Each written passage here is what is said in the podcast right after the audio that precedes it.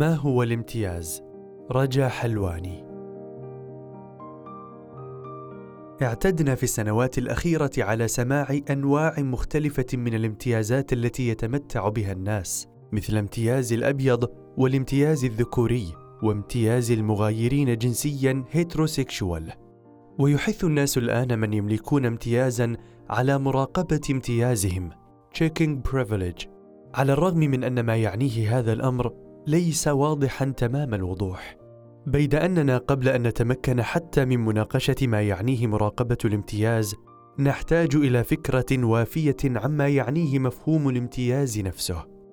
سأتناول في هذا المقال ما أعده تعريفا ملائما للامتياز وهو تعريف يتماشى مع كيفية استخدام هذا المفهوم والغرض من استخدامه. وسأناقش كذلك وجهة النظر التي أزعم فيها أن المفهوم لا يشير إلى أي ظواهر جديدة أو يقوم بأي دور توضيحي مهم فيما يتعلق بقضايا العدالة الاجتماعية. كما سأبرهن على أن مفهوم الامتياز رغم إمكانية استخدامه لزيادة وعي المرء بموقفه تجاه مختلف القضايا الاجتماعية رغم توافر مفاهيم أخرى أيضا يمكنها تحقيق الغرض نفسه. إلا أن استخدام مفهوم الامتياز من قبل أطراف ثالثة على سبيل المثال لحث أحد الأشخاص على مراقبة امتيازه هو من الأمور التي من الأفضل تجنبها. تعريف الامتياز.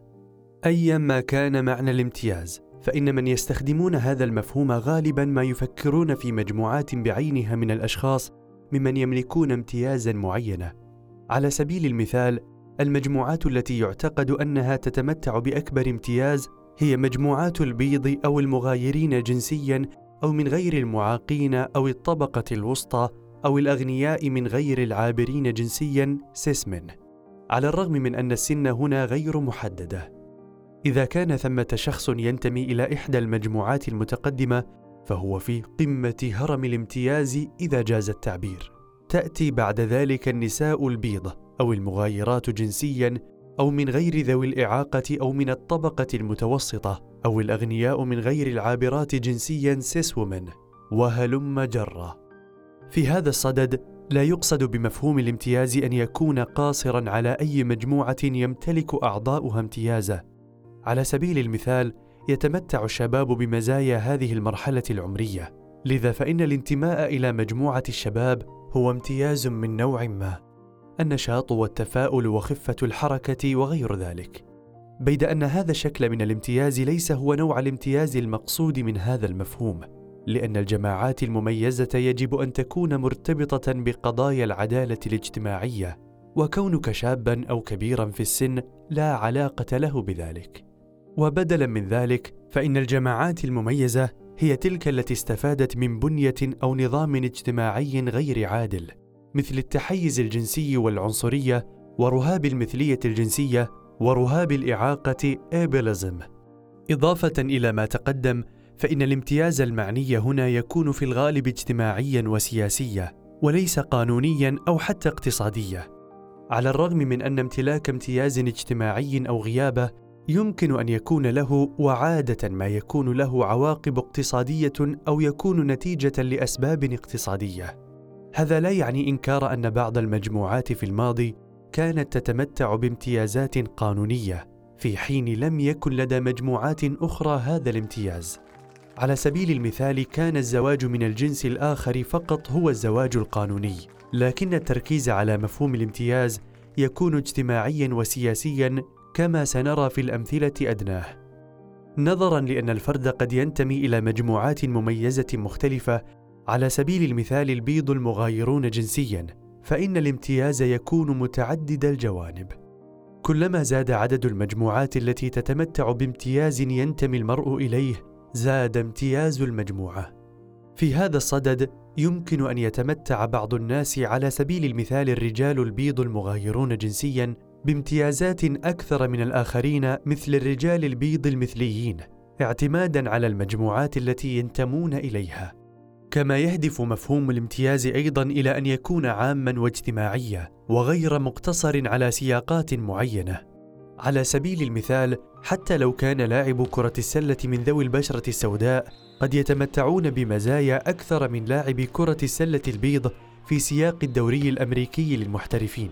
إلا أنه ما يزال لاعب كرة السلة من ذوي البشرة السوداء يفتقرون إلى الامتيازات الاجتماعية العامة بوصفهم سودا.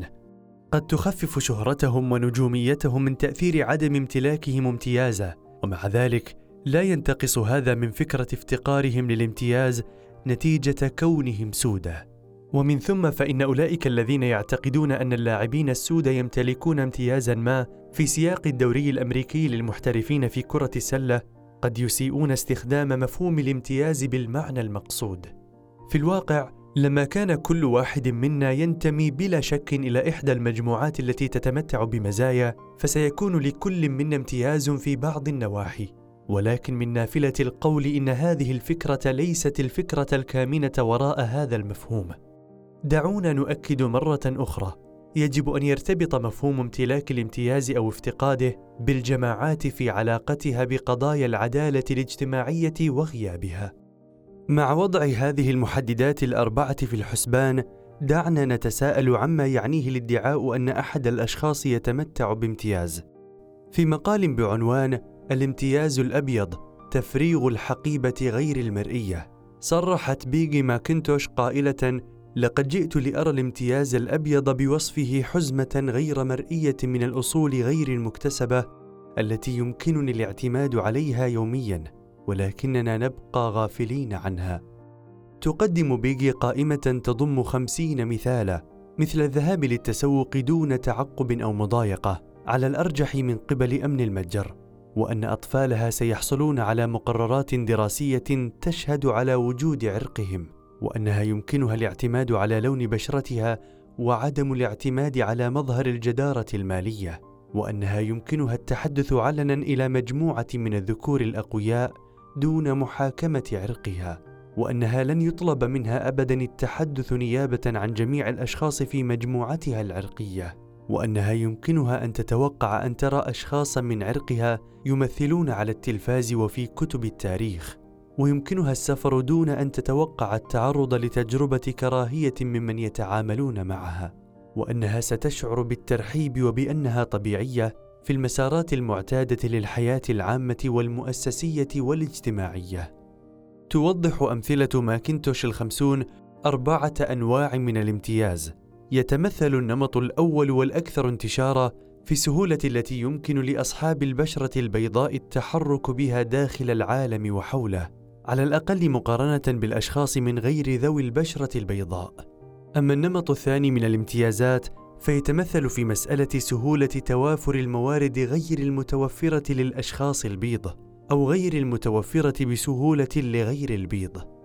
لمعرفة الفارق بين الاثنين ضع في اعتبارك شخصا أبيض يذهب إلى متجر ويعامله صراف المتجر أو العاملون به بلياقة وأدب.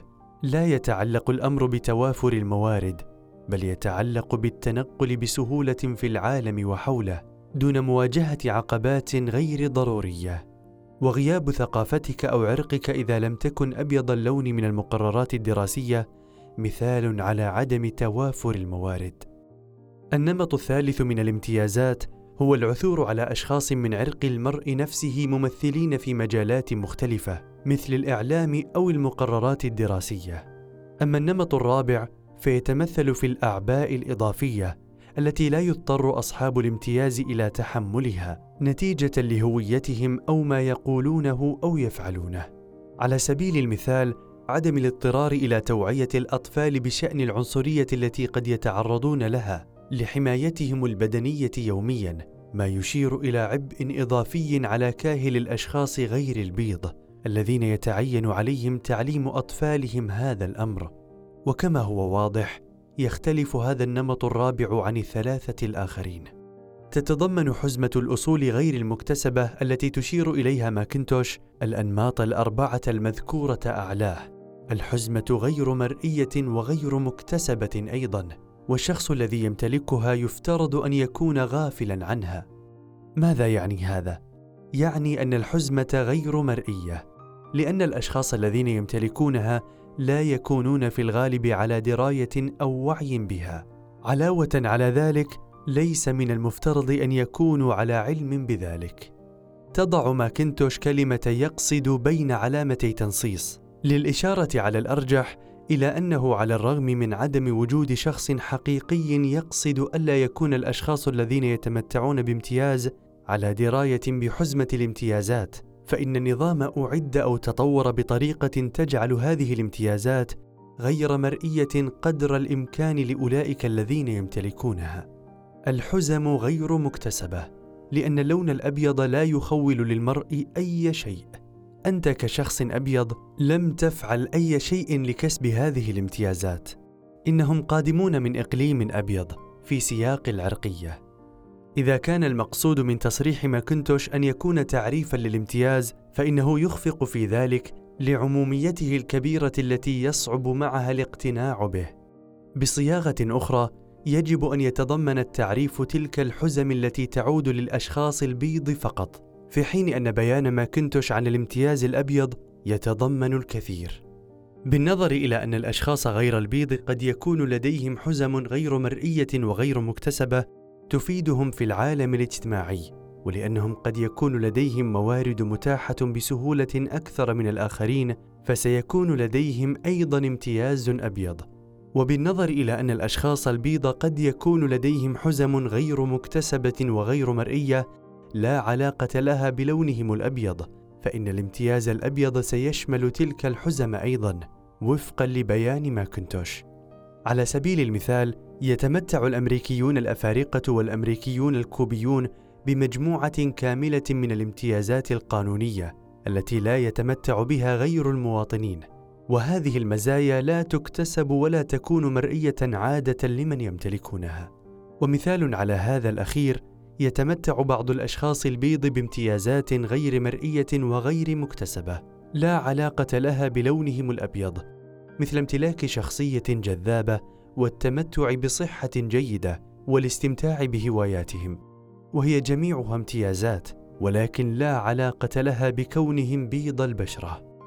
قد تنطبق الأمثلة نفسها على غير البيض قطعا ولكن الهدف في هذا الصدد توضيح أن الأشخاص البيض قد يتمتعون بامتيازات لا علاقة لها بلون بشرتهم لذا فإن ما تقدمه ماكنتوش أعم من أن يكون تعريفا من ثم لما كانت ماكنتوش لا تفكر إلا في الحزم فقط من جهة فضيلة كونها بيضاء ولأن توصيفها للامتياز الأبيض شديد الاتساع فإن توصيفها لا ينهض أن يكون تعريفا على الرغم من أنه قد يكون نقطة انطلاق مناسبة. هل قائمة الخمسين مثالا كافية للكشف عن ماهية الامتياز؟ هل يمكننا الاستغناء عن التعريف؟ لا لأن جميع الأمثلة الموجودة في القائمة يمكن رصدها بواسطة مفاهيم أخرى بخلاف الامتياز وهي مفاهيم موجودة بالفعل ما يعني أن الأمثلة فشلت في توضيح وجه التفرد في مفهوم الامتياز.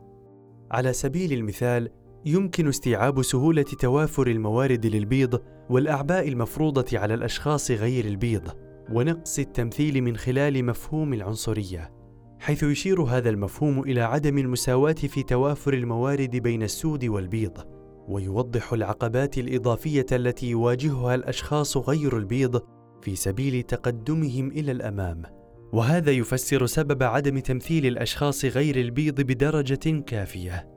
ويمكن لمفهوم القوالب النمطية أن يفسر بسلاسة سهولة التحرك في العالم ويمكن أن يفسر الأعباء الإضافية التي بموجبها توجد صور نمطية عن الأشخاص غير البيض تحول دون قدرتهم على التحرك بسهولة في العالم الاجتماعي. ويمكن لمفهوم العنصرية أن يفسر بسهولة عدم توافر الموارد. لأن العنصرية تقدم تفسيرا لطبيعة عدم المساواة الاجتماعية والاقتصادية التي نواجهها غالبا. يبدو اذا أن الامتياز لا يضيف أي شيء مثير للاهتمام في هذا الصدد. إذا كان ثمة أي شيء فإن مفهوم الامتياز ليس سابقا على المفاهيم المذكورة أعلاه ولكنه قائم عليها. بعبارة أخرى يتمتع الناس بامتياز بسبب العنصرية والتمييز على أساس الجنس والتوجهات الأخرى كافة وليس العكس. الأمر الذي من شأنه أن يمثل عبئا على مفهوم الامتياز لأننا سنحتاج إلى إيجاد سبب لاستخدامه. هل هو مجرد مفهوم ثانوي ينشأ من مفاهيم العنصرية والتمييز على أساس الجنس وغيرها أم أنه يقوم بعمل تفسيري حقيقي؟ سأعود إلى هذه المسألة أدناه. هناك تعريف مختلف للامتياز قدمه دان لو مؤداه أن الامتياز ميزة الشخص بفضل انتسابه إلى مجموعة اجتماعية في السياقات التي لا ينبغي عادة أن يكون فيه هذا الانتساب دالا على شيء. لفهم هذا التعريف لاحظ المصطلحات الأساسية الخاصة به ميزة والانتساب لمجموعة اجتماعية والسياق. يوضح المثال التالي هذا التعريف. بحكم كوني رجلا فإنني أنتمي إلى الفئة الاجتماعية للرجال. فكر الآن في سياق المشي بمفردك في الشارع في وقت متأخر من الليل. في هذا السياق لدي ميزة تتمثل في عدم اضطراري إلى القلق بشأن التعرض للاعتداء الجنسي وهي ميزة أمتلكها بفضل انتسابي إلى المجموعة الاجتماعية أي بحكم كوني رجلا. لكن هذا السياق لا ينبغي أن يكون مهما في العادة لامتلاك ميزة الأمان. النساء اللواتي يمشين بمفردهن في الشارع في وقت متأخر من الليل. لا ينبغي عليهن أن يقلقن من التعرض للاعتداء الجنسي. لكن لسوء الحظ عليهن أن يقلقن باستمرار بشأن ذلك. لذا فإن كوني رجلا يمنحني ميزة الشعور بالأمان في سياق السير في الشارع في وقت متأخر من الليل. هذا امتياز أحظى به بحكم كوني رجلا في سياقات لا ينبغي أن أمتلك فيها هذه الميزة مقارنة بالنساء اللائي لا يتمتعن بها. ما هي بعض الأمثلة على السياقات التي لا تشكل فيها الميزة الناتجة عن الانتساب إلى مجموعة مشكلة أخلاقية؟ يقدم لو مثالا على امتلاك مزايا الانتماء إلى ناد ببلدة ما. يتمتع الأعضاء بامتيازات معينة بحكم كونهم اعضاء في ناد من أندية إحدى البلدان. وهذه الامتيازات لا تمثل مشكلة أخلاقية لأن هذا هو ما يعنيه أن تكون عضوا في نادي إحدى البلدان. إنه أمر عادل إلى حد كبير. هل توجد أمثلة على سياقات يمنح فيها الرجل ميزة لا تمثل مشكلة من الناحية الأخلاقية؟ إذا كانت الإجابة بنعم فلن يمثل كونك رجلا امتيازا في تلك السياقات. ومع ذلك يواجه تعريف لو أمثلة مضادة تنبع من اعتماده على فكرة السياق من جهة ومن اعتماده على مفهوم واسع للمجموعات الاجتماعية من جهة أخرى. ضع في اعتبارك أن تكون رجلا أو امرأة في سياق عقوبة الجريمة أو في سياق حضانة الأطفال. لا ينبغي أن تمنح هذه السياقات ميزة على أساس كونك رجلا أو امرأة. حيث يجب أن يقضي الرجال والنساء العقوبة نفسها على الجريمة عينها ويجب أن يتمتع الرجال والنساء بأشكال متساوية من الحضانة على افتراض أن ثمة تاريخ وحالات متطابقة تدعم ذلك. على سبيل المثال يجب أن يحصل الوالد المدمن على الكحول على مدة الحضانة نفسها بغض النظر عما إذا كان الوالد هو الأب أو الأم. ورغم ذلك من المفترض أن الرجال يتعرضون لعقوبات أكثر صرامة من النساء بالنسبة للجرائم نفسها ويصعب على الرجال الاحتفاظ بحضانة أطفالهم أكثر من النساء. إذا كان الأمر كذلك فقد اتضح أن المرأة تتمتع بامتياز في سياقات معينة لا يتمتع بها الرجل. لماذا يعد ذلك اشكالا بالنسبة لتعريف لو إن المشكلة تنبع من أن التعريف ينتج عنه تداعيات لا تتوافق مع الغرض من مفهوم الامتياز. لا ينبغي أن يحمل المفهوم على نحو ضمني. ما يفيد تمتع الرجال بامتياز في أحد السياقات في حين تتمتع النساء بامتياز في سياق آخر بل إن المفهوم يكون مطلقا. بحكم كونهم رجالا يتمتع الرجال بامتياز على نحو دائم. وبحكم كونهم نساء تفتقر النساء إلى الامتياز على نحو دائم. على الرغم من أن الامتياز يزيد أو ينقص بالطبع اعتمادا على عوامل أخرى. وبقدر ما يعتبر تعريف لو إعادة بناء فلسفية لمفهوم الامتياز فإنه يفشل في رصد هذا البعد الحاسم لتطبيق المفهوم. إنه يعني أن بعض الأفراد اعتمادا على السياق لا يتمتعون دائما بامتياز في حين أن الفكرة الرئيسة خلف المفهوم هي أنهم يتمتعون بامتياز على وجه التحديد لأنهم ينتمون إلى مجموعات معينة وهذا يعني تجاهل التعريف للعلاقة بين الامتياز والظلم الاجتماعي نتيجة جعل الامتياز نسبيا داخل السياق. أعتقد أن تعريف لو يستخدم فكرة السياق لتضمين تلك الحالات التي يمنح فيها الانتماء إلى مجموعة اجتماعية ميزة مشروعة والسبب على ما أعتقد هو فكرة لو الواسعة عن المجموعات الاجتماعية ولكن عند القيام بذلك فإنها تفقد الجانب الحاسم المذكور للتو من الطريقة التي يفترض أن يعمل وفقا لها مفهوم الامتياز. المشكلة الثانية تتعلق بالاتساع الذي تكون عليه فكرة المجموعة الاجتماعية إنها تغطي عددا غير محدد من المجموعات التي تشمل الرجال والنساء والأندية والنباتيين والخادمات والآباء العزاب وأصحاب المطاعم ومنزهي الكلاب ومرتدي السراويل والممرضات والمهندسين ومحبي المثلجات ومنتجيها وهلم جره في الأساس أي مجموعة من الأشخاص التي تكون مجموعة بفضل امتلاكها ميزة اجتماعية بخلاف الميزات البيولوجية أو العقلية فقط تشكل مجموعة اجتماعية. بيد أن القصور يتمثل في هذا المفهوم الواسع للمجموعة الاجتماعية. يشمل التعريف العديد من حالات الامتياز التي لا يقصد بالمفهوم أن يشملها. لذا فإن هذه الحالات هي أيضا أمثلة مضادة للتعريف. خذ بعين الاعتبار المثالين المتعارضين التاليين اللذين قدمتهما تلميذتي كلوي كوتسيركا في اختبارها النهائي. اولا تخيل اثنين من السياسيين الذكور يناقشان بعضهما البعض على خشبة المسرح. أحدهما يرتدي زوجا انيقا من النظارات الطبية. كان أداء السياسي الذي يرتدي النظارات أفضل في استطلاعات الرأي من خصمه لأنه يبدو أكثر ذكاء وأناقة.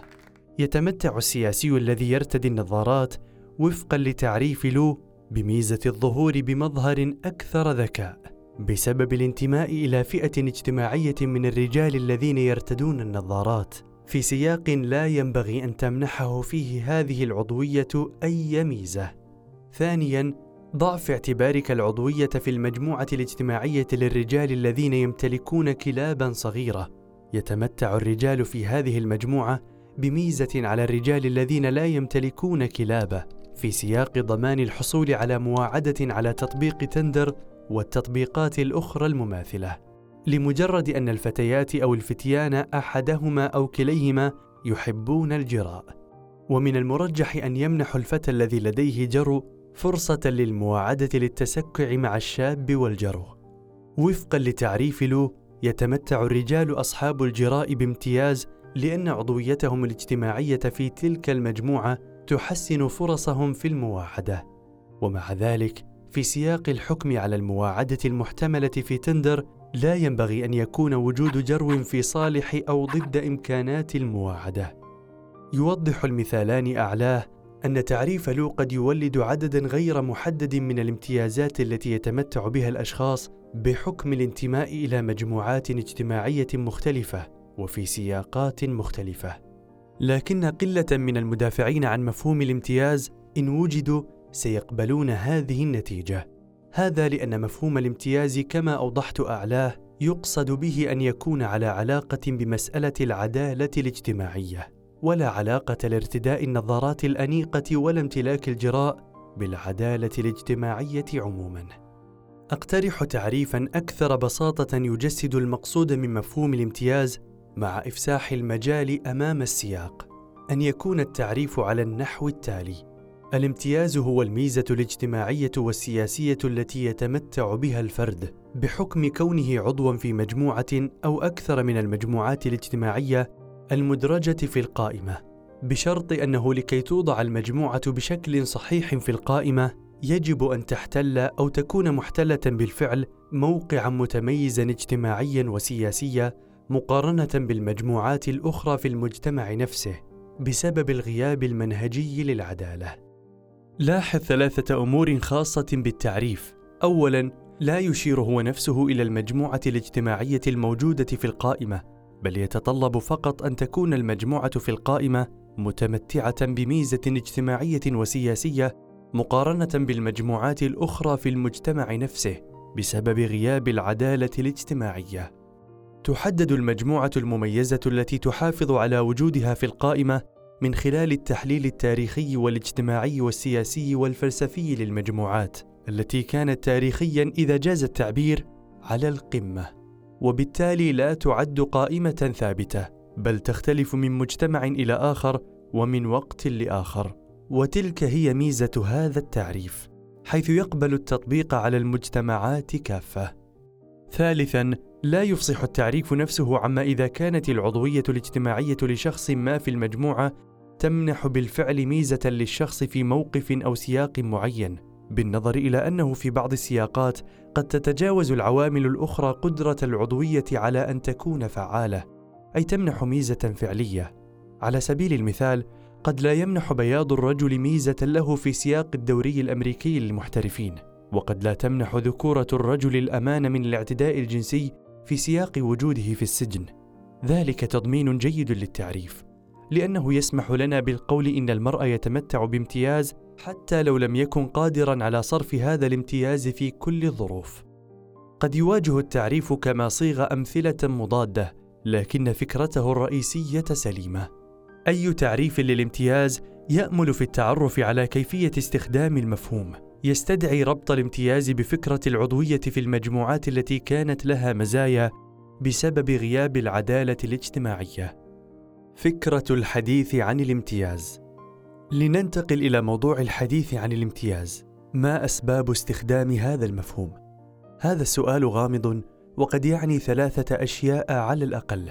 الأول يتعلق بمرجع المفهوم. هل يشير المفهوم إلى حقيقة أو ظاهرة لا تشير إليها المفاهيم الموجودة الأخرى؟ هل المفهوم يرصد شيئا لم نشر إليه؟ السؤال الثاني يتعلق بالتفسير. هل الظاهرة أو الحقيقة التي يشير إليها مفهوم الامتياز تشرح حقائق وظواهر أخرى لا تستطيع المفاهيم الحالية تفسيرها؟ السؤال الثالث يتعلق بالاستخدامات العملية أو السياسية التي يمكن وضع المفهوم لها. كيف يمكن استخدام مفهوم امتياز المجتمع بشكل أفضل؟ لست على قناعة بأن المفهوم يجسد شيئا جديدا. السبب الرئيس للادعاء هو أننا عرفنا دائما أن اشكالا مختلفة من الظلم الاجتماعي مثل العنصرية والتمييز على أساس الجنس قدمت لبعض الفئات من الناس مزايا اجتماعية غير عادلة. في حين حرمت الآخرين من هذه المزايا. على سبيل المثال قدمت العنصرية في الولايات المتحدة للبيض اشكالا مختلفة من السلطة. قانونية واجتماعية وسياسية واقتصادية لم يمتلكها غير البيض. في هذا الصدد نحن دائما على علم بأن أعضاء هذه المجموعات كانت لديهم مزايا وافتقروا إليها. لذلك من غير الواضح ما الذي يضيفه مفهوم الامتياز إلى هذه الحقائق؟ هل شك أحد قبل أن نتوصل إلى مفهوم الامتياز في أن الأشخاص البيض بشكل عام بمقدورهم التحرك في مكان ما دون قلق بشأن التنميط العرقي أو القولبة؟ في حين أن السود ليس بمقدورهم القيام بذلك. قد يجيب المرء أن ما يجسده الامتياز هو الظواهر الخفية للعنصرية والتمييز على أساس الجنس والتمييز ضد المعاقين وغيرها مع استمرارها حتى يومنا هذا. لا سيما بالنظر إلى أن العديد من الناس يعتقدون ربما خطأ أن مجتمعنا بشكل عام لم يعد عنصرية ولم يعد متحيزا جنسيا ولم يعد منحازا ضد المعاقين إلى آخره. وفي حين أن العنصرية والتمييز على أساس الجنس والتمييز ضد المعاقين وغير ذلك لم تعد واضحة بشكل عام أو هي حالات داخل الكتب إلا أنها ما تزال تشق طريقها إلى نسيج المجتمع بطرق يومية خفية والامتياز يجسد هذه الحقيقة. لا شك أن العنصرية والتمييز على أساس الجنس واشكالا أخرى من عدم المساواة ما زالت مستمرة. لكننا لسنا بحاجة إلى مفهوم الامتياز لرصدها. لدينا بالفعل مفاهيم موجودة تقوم بذلك. باستخدام العنصرية والمجتمع كمثال ضع في اعتبارك خمسة مفاهيم من هذا القبيل عدم المساواة وعدم التفضيل والمعاملة المتباينة ونقص التمثيل والقوالب النمطية. بالتراوح بين هذه المفاهيم ستكون أكثر من كافية لرصد العنصرية المستمرة. سواء أكانت خفية أم غير خفية. لا يبدو أن الامتياز يلعب أي دور توضيحي مهم. يبدو أنه غير نشط تفسيريا. إن امتلاكي لامتياز الشعور بالأمان أثناء السير في الشارع في وقت متأخر من الليل حقيقة ناتجة عن نظام التمييز على أساس الجنس وليس حقيقة تفسر التحيز الجنسي. إنها ظاهرة ثانوية وعلى الرغم من أن مفهوم الامتياز قد يفسر جزئيا سبب وجود رجال في الشارع بمفردهم أكثر من النساء في وقت متأخر من الليل إلا أن مفهوم الامتياز لا يعد بمهمة التفسير. لأن الظواهر الأخرى يمكن أن تفعل ذلك أيضا مثل الاعتداء الجنسي الذكوري داخل نظام متحيز جنسيا. يقترح لو أننا بحاجة إلى امتياز لشرح سبب استمرار المزايا. يقول إذا فكرنا فقط في المساوئ والطرق التي يفشل بها المجتمع مجموعات معينة يصبح الأمر محيرا إلى حد ما. من جهة سبب عدم معالجة هذه المساوئ بعد بيد أننا عندما نركز على المزايا التي تكتسبها المجموعات المهيمنة فإننا ندرك أن بعض المجموعات لها مصلحة راسخة في بقاء المجتمع على ما هو عليه. إن لو محق في أن مفهوم مثل الامتياز يساعد على تفسير المصلحة الراسخة لدى بعض الأشخاص. لكن من غير الواضح سبب حاجتنا تحديدا إلى مفهوم الامتياز لشرح هذه الحقيقة. لماذا لا نستخدم على سبيل المثال مفهوما لدينا بالفعل مثل المزايا التي يستخدمها لو نفسه بمعرفة ما نعرفه عن عدم المساواة الاجتماعية بين البيض والسود على سبيل المثال وأن البيض بوصفهم بيضا يتمتعون بمزايا اجتماعية لا يتمتع بها السود بوصفهم سودا. فإننا ندرك على الفور أن البيض لديهم مصلحة راسخة في بقاء المجتمع على ما هو عليه. لا حاجة إلى اللجوء إلى مفهوم الامتياز. ومن ثم لا أرى حتى الآن أي ميزة نظرية لاستخدام هذا المفهوم على وجه التحديد حيث يمكن تضمين الحقائق التي يشير إليها من خلال مفاهيم أخرى. ويبدو أنه لا يلعب دورا توضيحيا بارزا عندما يتعلق الأمر بتشخيص البنى الاقتصادية والاجتماعية والسياسية غير العادلة وفهمها. بالطبع لا يمنعنا أي مما سبق من استخدام كلمة امتياز كمصطلح جديد أو إضافي. وإن كان له دلالات مختلفة إلى حد ما عن المصطلحات الأخرى مثل المزايا للإشارة إلى ظاهرة أن بعض أفراد المجتمع بحكم عضويتهم في مجموعات معينة تكون لهم أنواع من المزايا بسبب غياب العدالة الاجتماعية. في الواقع فإن الامتياز على ما أعتقد له دلالات معينة عند استخدامه للإشارة إلى الأفراد بوصفهم يتمتعون بامتياز. هذا لأن استخدامه لا يقتصر على التحليل النظري ولكنه غالبا ما يكون عمليا ويطبق على الأفراد. على سبيل المثال عندما يقال لأحد الأشخاص راقب من امتيازك. لهذا فإن المصطلح له بعض الدلالات المثيرة للاهتمام.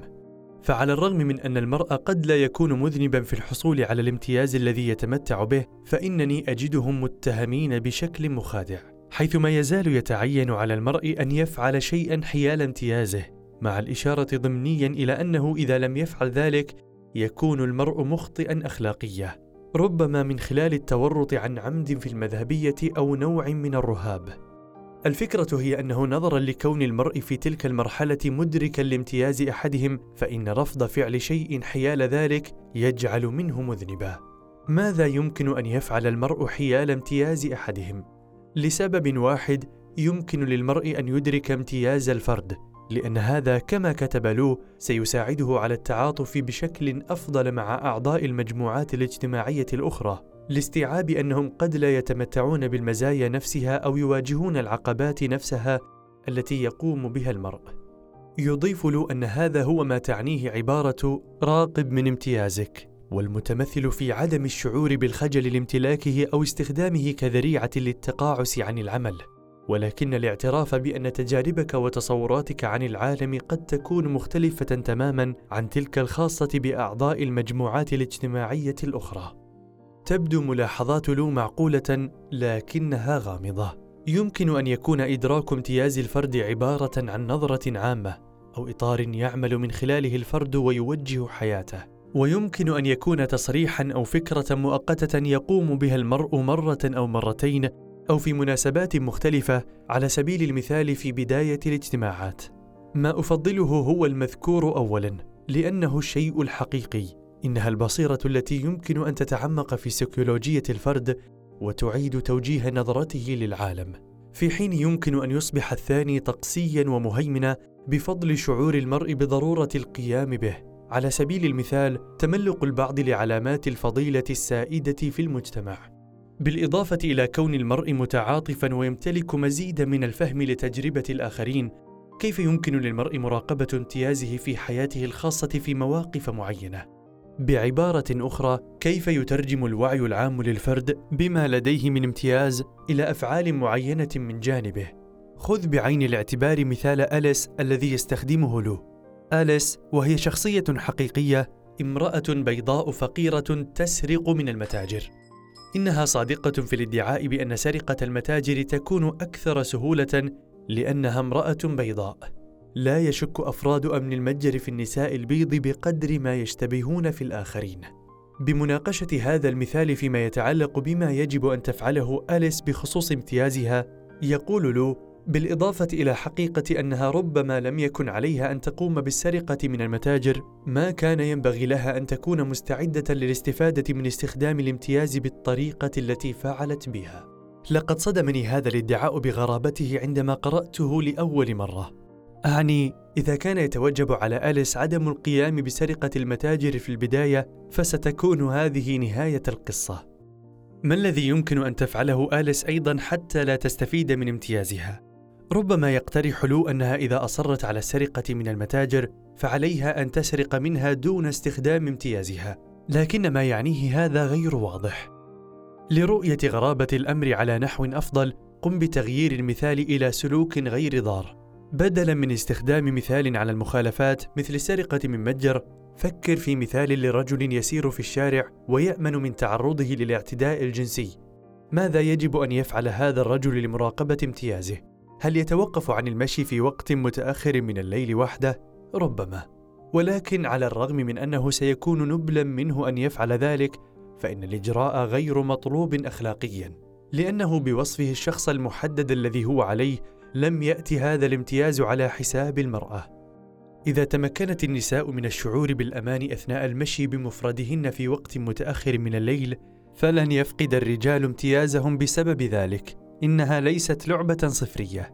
اذا ما الذي يتحتم على الرجل فعله نتيجة إدراكه لامتيازه مرة أخرى؟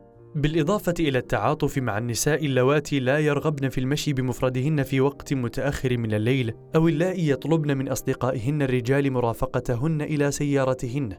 على سبيل المثال. ثمة نقطة تعقيد إضافية حول ما يجب فعله بشأن امتياز الفرد وهي أن مفهوم الامتياز كما يستخدم لا يشير إلى المزايا الخاصة التي يتفوق بامتلاكها الأشخاص المتميزون على ما هو طبيعي. إنه يشير إلى ما يجب أن يتمتع به كل شخص كجزء من الحياة اليومية. المشي بمفردك في وقت متأخر من الليل مع الشعور بالأمان وامتناع الشرطة عن سؤالك عن هويتك هي الأحوال الطبيعية ويجب أن تكون كذلك. لذا فإن الحديث عن الامتياز هو الحديث عن بعض المجموعات التي لديها إمكانية الحصول على ما هو طبيعي والذي لا تمتلكه المجموعات الأخرى. وإلا فإن الحديث عن غياب العدالة الاجتماعية سيكون في الغالب في غير محله. بيد أن هذا يقود إلى نقطة ثالثة معقدة وهي أن الحديث عن الامتياز لا يركز على أولئك الذين في حاجة إلى الارتقاء إلى الوضع الطبيعي للأمور ولكن على أولئك الذين يشغلون بالفعل الوضع الطبيعي. كما قال بن بورغس لا يقتصر الأمر على أن النساء والسود يجب أن يحصلوا على المزيد. بل يجب أن يحصل الرجال والأشخاص البيض على ما هو أقل. بوضع هذا الإشكال جوار الإشكال الثاني المذكور أعلاه فإن ذلك من شأنه الإشارة إلى أنه عندما نطلب من شخص ما أن يفعل شيئا ما حيال امتيازه مرة أخرى ضع جانبا مطالبتهم أن يكونوا على دراية بذلك وأن يكونوا متعاطفين فإننا نطالبه بالتخلي عما هو طبيعي بالنسبة للجميع. إذا كان هذا صحيحا فليس من الواضح تماما لماذا يجب أن يتخلى شخص ما عن شيء يجب أن يكون طبيعيا للجميع لا سيما عندما لا يكون على حساب امتلاك الآخرين له. وعندما يكون التركيز ممكنا ويجب أن يكون على رفع أولئك الذين يفتقرون إلى ما هو طبيعي إلى المستوى الطبيعي. التعقيد الرابع والأخير يتمثل في أن الأفراد غالبا ما يطلب منهم مراقبة امتيازاتهم دون معرفة الكثير عن تاريخ هؤلاء الأفراد وظروفهم. فيما يتعلق بالتعريف الذي عرضته أشرت إلى أن امتياز الفرد لا يجب أن يؤدي دائما إلى امتلاك الشخص أي مزايا فعلية لأن السياق يمكن أن يحتوي على ميزات إضافية تجعل امتياز الفرد غير فعال. قد يحدث هذا لأن الجوانب غير المتميزة لهوية الفرد تهزم الجوانب المميزة لها كما هو الحال عندما تنتقص مثلية المرء من رجولته في سياق معادل للمثليين أو عندما تجعل أنثوية المرأة بياضها غير ذي صلة في سياق العدوان الجنسي الذكوري. بالإضافة إلى ذلك يمكن أن يصبح امتياز الفرد غير فعال لأن العناصر الخارجية للشخص تجعل الجوانب المميزة لهوية الفرد غير فعالة. تخيل شخصا على قمة هرم الامتياز أبيض ومنتميا للطبقة الوسطى وغير معاق ومغايرا جنسيا. وفكر في مواقف مختلفة قصيرة وطويلة الأمد يكون فيها امتيازه غير فعال. التعرض للهجوم في الشارع في وقت متأخر من الليل والإذلال في حفلة والفشل في امتحاناته وشعوره بعدم الاهتمام والقلق ورعاية شخص لديه مرض عضال وكونه يعاني من مرض عضال نفسه. وهلم جره. عندما نجمع بين هذه النقاط الأربع الامتياز الفردي لأنه لا يأتي على حساب الآخرين الامتياز كإشارة إلى ما يجب أن يتمتع به كل شخص الامتياز بوصفه تركيزا على الانحدار بدلا من الارتقاء والسياقات التي يمكن أن تجعل امتياز الفرد غير فعال. يصبح من غير الواضح ما يجب على الأفراد فعله لمراقبة امتيازاتهم. هذا الافتقار إلى الوضوح يدعم الشك في ضبابية مطالبة الأفراد لا سيما بصورة علنية بمراقبة امتيازاتهم المتمثلة في كونها تمرينا على الشعور بالذنب والعار. بالإضافة إلى ذلك يتفاقم التشهير والذنب من خلال سلب المتهم كرامة الرد. ثالثا الملخص الختامي. لقد شرحت سمات مفهوم الامتياز وفندت أحد تعريفاته الفلسفية وقدمت تعريفا مختلفا بدلا من ذلك. لقد حاججت أيضا بأن المفهوم لا يرصد شيئا جديدا ولا يلعب دورا توضيحيا نظريا مهما وعلى الرغم من ذلك قد لا تزال لدينا الرغبة في الاحتفاظ بالمصطلح لأي غرض نظري أو عملي. لكننا إذا فعلنا ذلك فإنني أحذر من استخدامه من قبل أطراف ثالثة ضد الأفراد. وفي رأيي فإن أفضل استخدام عملي له هو التطبيق الذاتي. يقوم الأفراد بتطبيق المفهوم على أنفسهم لمساعدتهم على النظر إلى العالم وتجارب الآخرين بعيون مختلفة. ولكن حتى مع هذا الوضع لدينا مفاهيم أخرى يمكنها القيام بذلك. مفاهيم لا تحمل دلالات التشهير والذنب التي شوهت الخطاب المحيط بالامتياز.